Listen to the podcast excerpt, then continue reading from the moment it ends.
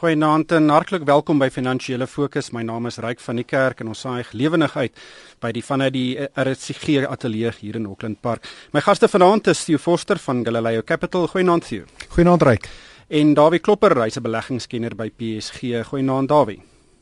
Goeienaand Ryk en goeienaand Theo en die luisteraars. Ja.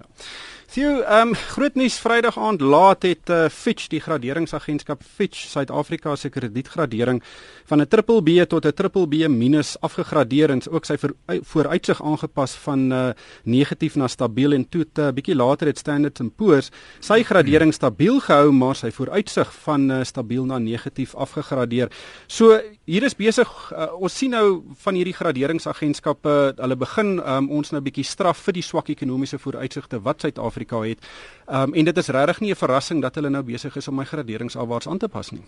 Ryk, dis geensins 'n verrassing nie. Ek dink ook as jy kyk na die redes, uh die markte het dit verwag. Ons weet ons ekonomie groei baie power. Ons weet ons staatsinstellings word vrot bestuur en is nie besig na 'n punt te kom nie. Ons weet ons sukkel met arbeidsprobleme, ons sukkel met arbeidskoste, ons sukkel met produktiwiteit. So niks van hierdie is regtig 'n verrassing nie, maar ek dink wat mense net moet baie mooi agter die kap van die bil kom is wat beteken hierdie? Eenvoudig die drie groot graderingsagentskappe en jy het van hulle gepraat, moes moet nog Moody's byvoeg. Basies gradeer lande om te bepaal tot watter mate beleggers daarin kan belê volgens hulle opinie. So hulle gee die lande 'n gradering. En hierdie gradering het verskeie skale. Daar's natuurlik lande wat baie hoog gegradeer word, maar as iewers word daar 'n lyn getrek tussen 'n skaal wat hulle noem beleggingsgradering en dan spekulasiegradering. Dis nou die junk status wat baie mense well, oor praat. Wel, spekulasie is amper die term junk wat gebruik word in die kom ons sê in slang as jy nou 'n Engelse woord te gebruik. As jy onder beleggingsgradering in spekulasiegradering ingaan. En dis wat hulle noem rommel. Nou nou nou waar Suid-Afrika op die punt is, ons is nou op die laagste beleggingsgradering. Dit wil sê ons is nog nie op spekulasiegradering, maar ons is op die heel laagste beleggingsgradering. So enige volgende afgradering gaan jou vat na spekulasiegradering, junk soos die Engelse dit noem of rommel soos dit nou vertaal word. En ek dink die redes wat hier aangegee het en dis wat my punt is, die redes wat hier aangegee het, weet ons almal, die mark weet hierdie redes. En en ek hoop hierdie is 'n tipe van 'n wekroep vir die regering om te sê maar wag so 'n bietjie. As ons hierdie beleggingsgradering verloor, is daar beduidende implikasies. In hierdie dokumente gee jou 'n oordentlikheid eensetting waarom hierdie besluit geneem is en wat aangespreek moet word. En ek dink hulle is reg in die dokumentasie. Hulle sit die hulle vat die goed vas wat aangepas moet word, anderster gaan jy nie 'n beleggingsgradering kan kry nie. Hmm. Daar was een van die goed wat vir my uitgestaan het in die redes wat uh, veral Fitch verskaf het uh, is dat eh, Suid-Afrika uh, gaan nie hoër ekonomiese groei sien voordat ons elektrisiteitsvoorsieningsprobleme nie uitgesorteer is nie. Maar en ons het dit al ook al te mekaar gesê dat dit die geval is dat kragvoorsiening is baie belangrik. Ehm um, het dan ook uitgewys as jy reg sê dat kragvoorsiening is een van die redes wat aangevoer het oor hoekom ons af hoekom hierdie afgradering plaasvind. Dis die swak groei wat daarmee gepaard gaan ook die lopende rekening tekort natuurlik maar die maar kragvoorsiening gaan nou vir 'n tydjie lank nog nie behoorlik aan die gang wees nie. En dit skep onsekerheid en en saam met die onsekerheid kom dan die swakker groei en die gebrek aan beleggings in die land dis wat ons so broodnodig het so jy daar gesê die staat sal moet besef dat hulle sal moet stappe begin neem om die groei en die ekonomiese groei in die land um, aan die gang te kry ons moet begin klem lê op die nasionale ontwikkelingsplan hulle moet nie goed doen soos die visa reëls neerlê en dan verbaas het as toerisme uitmekaar uitval terwyl die rand so baie swak is net eintlik baie goed daarmee moet gaan nie. So ehm um, ehm um, die die feit van die saak is net wat gebeur het teen 'n Vrydag aand ehm um, laat Vrydag aand toe hierdie nuus bekend word. Die rand het daarna toe 'n klein bietjie gaan versterk en die staatsefekte 10 jaar staatsefekte het klein bietjie sterker gegaan. Ehm um, wat interessant is dat dat dit nie verder negatief gereageer het op die nuus nie. Miskien was alles ingeprys. Ehm um, die die feit van die saak is dit as ons verder afgegradeer word, gaan hierdie rentekoerse wesentlik styg en dan gaan ons net baie baie meer verskil moet betaal en gaan nog net minder geld beskikbaar wees vir infrastruktuur besteding en besteding aan Eskom en besteding aan ander ehm um, projekte wat die staat moet aanpak. Ek dink ek stem 100% saam met wat Dawie daar sê. As jy veral kyk na waar ons 10 jaar effekte is, is hierso net onder 8.7%. Dis reeds 'n effek van 'n hoog spekulatiewe land. As jy vat die eerste wêreldlande sit byvoorbeeld tussen 1, 2 of 3% en dan kry jy 'n klomp beleggingslande wat hier by 4-5% is. So ons rentekoers op die staatsefek is al reeds ingeprys dat ons baie naby aan 'n spekulatiewe ding is. Maar as 'n mens 'n positiewe ding hier uit wil uithaal en ek weet dit is met dit hierdie is 'n negatiewe besluit, maar as jy wil daarna kyk is as jy gaan kyk na gister wat die tesourier se antwoord hierop was, dan het die tesourier baie duidelik gesê dat Drie elemente word aangespreek. Ons is besig om infrastruktuur aan te spreek en da daar spesifiek is ons besig om te kyk na hoe ons elektrisiteitsvoorsiening kan verbeter. Ons is besig om die hopelose staatsinstellings aan te spreek. Ek dink 'n sprekende voorbeeld is die poskantoor wat 'n privaat sektor baas kry. Ek dink 'n baie positiewe ding is minister Nene wat laat in die week besluit het dat die SAL kan nie voortgaan met 'n sinnelose transaksie wat ons basies um, op die rand van wat die in, instelling op die rand van bankrotskap kan plaas nie. So daai elemente word aangespreek en derens het tesourier gesê ons is besig om die arbeidsverhouding aan te spreek of die arbeidssituasie. My vraag hier is Die tesourier besef hierdie. Hulle werk hiermee elke dag. Hulle het kontak met internasionale beleggers. Hulle weet ons het internasionale kapitaal nodig. Ek dink die vraag is, Dis een ding vir die tesourier om dit te weet, dis een ding vir die tesourier om daarop te reageer, dis een ding vir minister Nene om te besef waaroor hierdie gaan, maar tot in watter mate besef die res van die regering, die res van die regerende party se alliansievennote wat die impak gaan wees as ons hierdie goed nie reggerig kan kry nie. Ja, daar weet ons is die ekonomie op die oomblik is op 'n baie weet dis nie op 'n goeie traject nie. Ehm um, en indien ons voortgaan op die koers waarop ons nou gaan, gaan ons volgende jaar afgegradeer word tot hierdie spekulatiewe status ehm um, of of die sogenaamde rommelstatus uh weet dit dis iets wat gaan kom volgende jaar. Oh, dit is ongelukkig so en en dit is amper dit lyk amper onmoontlik geweest om om te draai. Toe nou daar uitgewys dat die minister van finansies is baie bekommerd oor hierdie toedrag van sake. Maar maar soos wat die pad nou loop, soos wat die ehm um, alle aanduidings daar is die gebrek aan vertroue in die land terwyl die bestuur van die land dan ook 'n bietjie veel te wense oorlaat. Ehm um, gaan daar nie geïnvesteer word nie en het ons hierdie sogenaamde beleggingsstaking in die land aan die gang die private sektor eh, is huiwerig om te investeer. Die die staat het nie ruimte om te investeer nie. Die buiteland word al meer bekommerd om hier te kom investeer op nou langtermynprojekte wat ek van praat. En dit beteken dat ons ekonomie bly swak groei en en ongelukkig ons uitvoere uitvoere wat wat die ekonomie moes help glad groei met hierdie swak rand is tipies die goed wat ons dan nou in die hulpbron sektor um, uit die grond uit kry en dan nou die pryse daarvan het in duie gestort. So ons kry nie daardie hulpstoot wat betref ons lopende rekening uh, en die betaal, en die betalingsbalans nie. En dus um, is die ekonomie eenvoudig onder druk. Die verbruiker het in elk geval nie meer ruimte om te spandeer nie. So as jy praat van die verbruiker plus investering plus staatsbesteding plus uitvoere, dis alles goed wat met positief is. Ek sien nie baie positiwiteit in daardie syfer nie. En dat ons ook boonop gesien is ons het so 'n geneigtheid om 'n bietjie baie in te voer in die land en dit trek nou nog verder van groei af. Hmm. Kom ons gesê ons 'n bietjie hier oor die oor die rand. Um, ons het die jaar afgeskop op uh, omtrent R11.60 teen die Amerikaanse dollar en tans staan hy op R14.37. Uh, dis 'n wesenlike verswakking um, en en met verdere afgraderings gaan daai die rigting van die rand net in die verkeerde kant toe gaan. Ryk, ek dink daar's 'n paar elemente betrokke as mens kyk na die rand. Ek dink die eerste tot 'n baie groot mate en vir baie lank in die jaar kon nie die rand se verswakking direk korreleer met ander kommoditeitslande se geldeenhede verswakking. Die land rand was in lyn met die Australiese dollar, die Nieu-Seelandse dollar, die Skandinawiese geldeenhede as gevolg van hulle olie, die Kanadese dollar. So die rand was tot 'n baie groot mate in lyn met daardie geldeenhede verswakking. Maar as 'n mens begin kyk hoe hy nou lyk en jy kyk waar die vlakke nou is, is dit duidelik dat hier meer aan hierdie verswakking is as net 'n kommoditeitsland. En ek dink dis waar ons die probleem kry met sakevertroue en daar wees heeltemal reg as ons nie die vertroue tussen kapitaal, die eienaars van kapitaal en die mense wat die langtermynbeleggings moet maak, daai vertroue tussen hulle en die vir spesifiek die regering en sy alliansievennote kan aanspreek, gaan ons nie hierdie groter groei kry nie. En dan moet jy ook byvoeg dat die ander dis dis teen die agtergrond van die Chinese groei en die vraag na kommoditeite wat pap bly en ons sien daai stygings hou aan nuwe laagtepunte maak wat ons aan 'n kommoditeitsland sit aan die ander kant 'n besondere sterk dollar. Ek meen ons het Vrydag aand Amerikaanse indiensnemingssyfers gekry. Dis beter as wat die mark verwag het. Die Amerikaanse werkloosheidssyfer is op 5%. Daar begin al meer aanduidings kom dat die werkers in Amerika het meer bedingings mag. Daar's legio poste wat nie gevul kan word nie.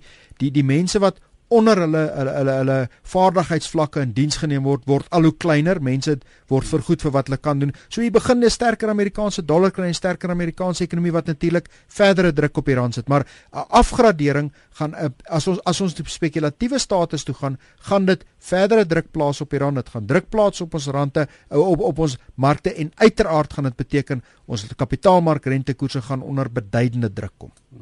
Ek wil uh, um Dawie die die gesprek verskuif na na MTN toe wat 'n baie interessante week agter die rug het. Um weet hulle het 'n aanvanklike boete gekry van die Nigeriese owerhede van 5,2 eh, miljard eh, dollar wat uh, om meer as 70 miljard rand is 'n absolute reuse boete. Uh, en die boete is toe verlaag na 3,4 miljard dollar toe uh, en toe bietjie later toe sê die Nigeriese owerhede weer vir hulle nee, ons het 'n tikfout gemaak in die persverklaring of en dis eintlik 3,9 miljard uh, dis uh, dis 'n 500 miljoen dollar tikfout. Ja, in randterme is dit 7,5 miljard rand. Dit is 'n verskriklike groot tikfout. En natuurlik het die mark negatief daarop gereageer op die nuus. Maar die mark het eers ehm um, toe die nuus die eerste keer uitgekom het, het daar baie aandele verhandel van MTN die pryse uh, aanvanklik klein bietjie positief daarop gereageer. En toe die korreksie kom, toe daal die prys weer. Maar vyf van die sake het 'n klomp mense besluite geneem met verkeerde inligting weet wat hulle beskikking. Dis ook eintlik baie jammer dat dit gebeur het.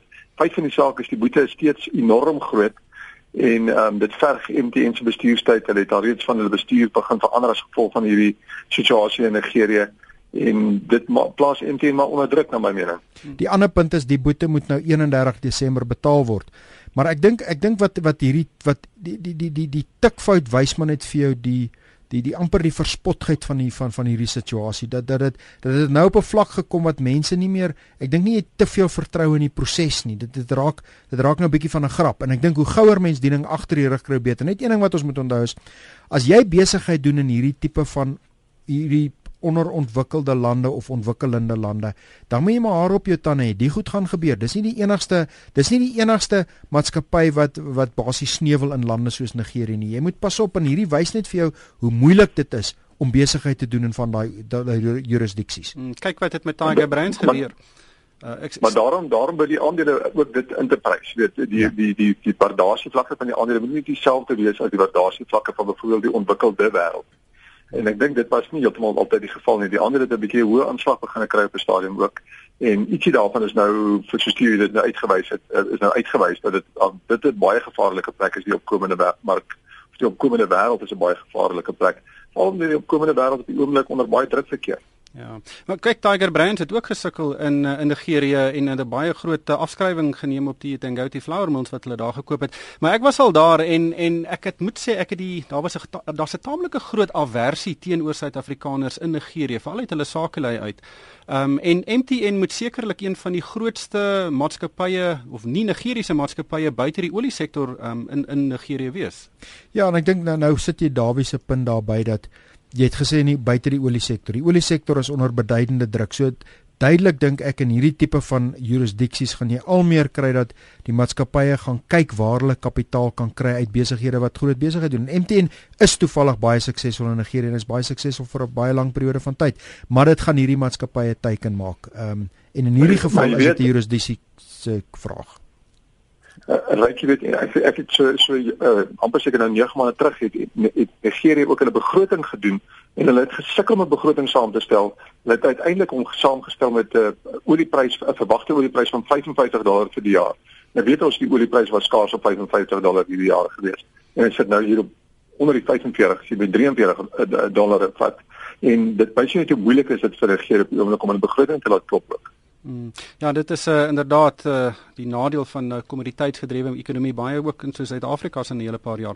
Maar toe kom ons bly by maatskappye wat 'n uh, bietjie in die moeilikheid is. Uh, Steinhoff, uh, een van hulle kantore in Duitsland, uh, het 'n bietjie onder 'n belastingondersoek deurgeloop. Um, en dit is nie lekker as mens sien dat belastingbeamptes uh, by kantore instap en met bokse weer uitstap nie. En dit is wat daar gebeur het en dis op die vooraand van hulle notering in Frankfurt.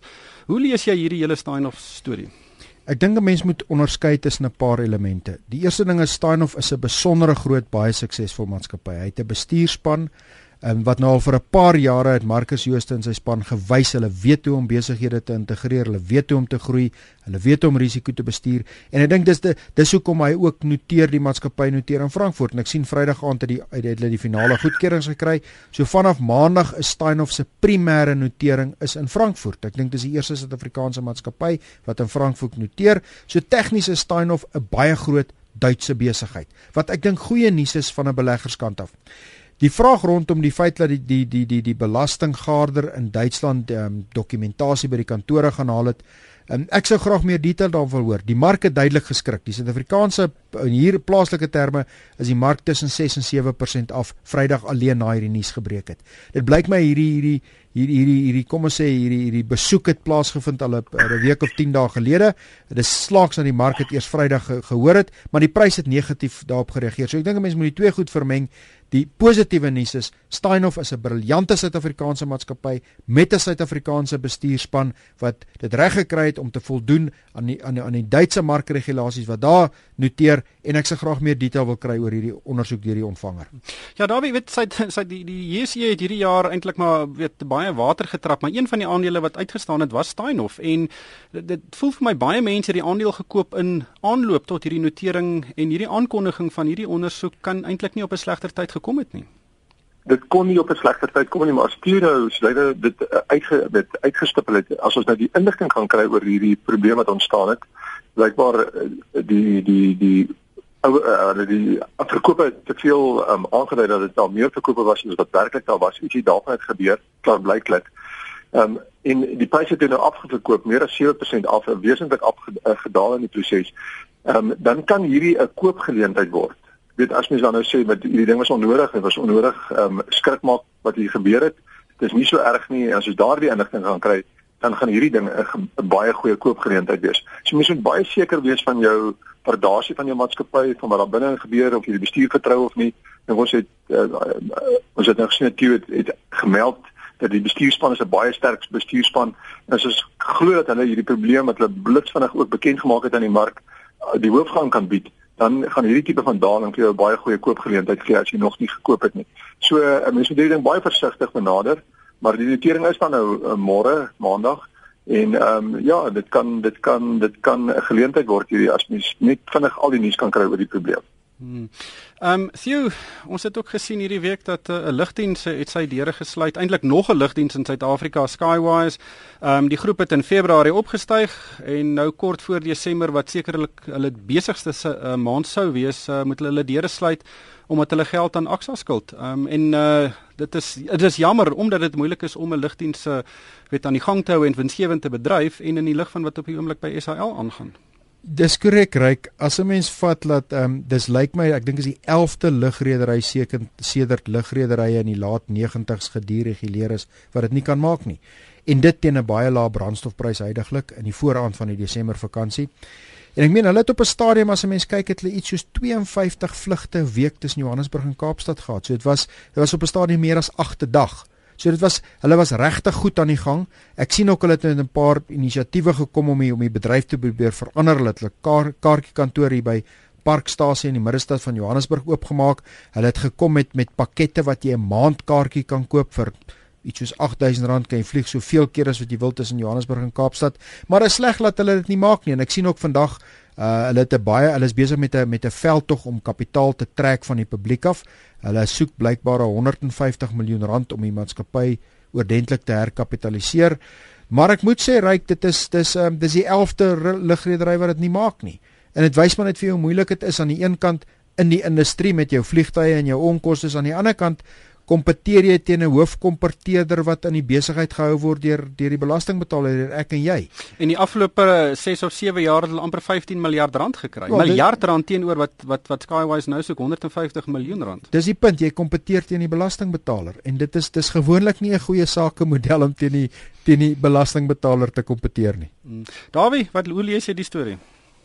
Ja, ek dink jy het hom nou mooi so um, raak gevat. Ehm um, dit is nogal interessant dat die Skywise nou vir die SAA verhul vergaan om die passasiers aan te neem wat hulle nou nie kan uh, vervoer op die oomblik nie. So tong in die kies uh, situasie dink ek in 'n sekere sin. Hulle het natuurlik ook gepleit vir die staat om hulle te help om hulle kapitaal te verskaf. Ehm um, maar dit uh, 'n bietjie ironies maak in 'n sekere sin.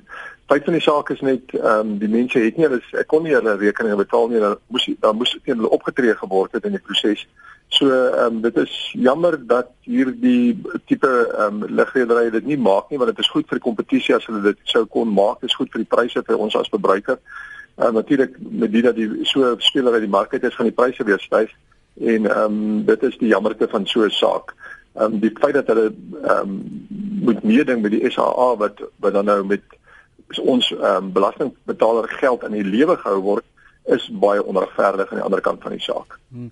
Maar Dawie, ek was sommer bly by jou uh een groot ontwikkeling hierdie week was uh toe die tesourie ehm um, Dudu Mayeni se sogenaamde Airbus kontrak verwerp het. Weet sy het wou moes daai hele kontrak heronderhandel sonder die toestemming van die tesourie. Um, en dis waaroor so baie ander partye gesê het uh, dit kan die lewensvatbaarheid van die SAL nog verder um, in die gedrang bring. Um, en dis die eerste keer dat iemand in die regering nou regtig opstaan teen uh, Dudu Moyeni en en die manier hoe sy daai uh, maatskappy bedryf. Ehm um, dit is so die kontrak wat sy wil ontverwerf is die kontrak wat Nico Besuidenhout en nou weer terug is by Mango wat toe op daai stadium die waarnemende hoof van um, die SAL was ehm um, ontwerp het en uitgewerk het en heeltemal lyk like my uh, aanvaarding vir die nuwe kontrak gekry het. So hy natuurlik nou vervang is um, met sy gekom en gesê maar nee, ons moet op 'n ander manier na hierdie ding kyk en op 'n ander manier dit saamstel en ook met plaaslike ehm um, verskaffers of verpakkers amper van hierdie skuld ehm um, werk. Hmm. Die staat het net eenvoudig gaan sê maar hierso hier's geen sekerheid dat julle nuwe plan gaan beter wees nie. Hier's nog niks behoorliks op die tafel nie en julle praat al van die kontrakte kanselleer en en alles verander. En ja, dit is uh, meer eens 'n groot skaalse stuk onsekerheid wat hier sou heers en die feit ehm um, is dan ook ehm um, dat sy blykbaar ook nie baie graag dan nou luister na die raad wat sy van die van die uh, tesorie afkry nie. Dit was werklik 'n interessante ontwikkeling en ons gaan dit fyn dophou. Ongelukkig hierdie tyd ons ingehaal. Baie dankie aan Theo Forster van Galileo Capital en Dawie Klopper van PSG en van my ryk van die kerk. Dankie vir die saamluister en ek hoop almal het 'n winsgewende week.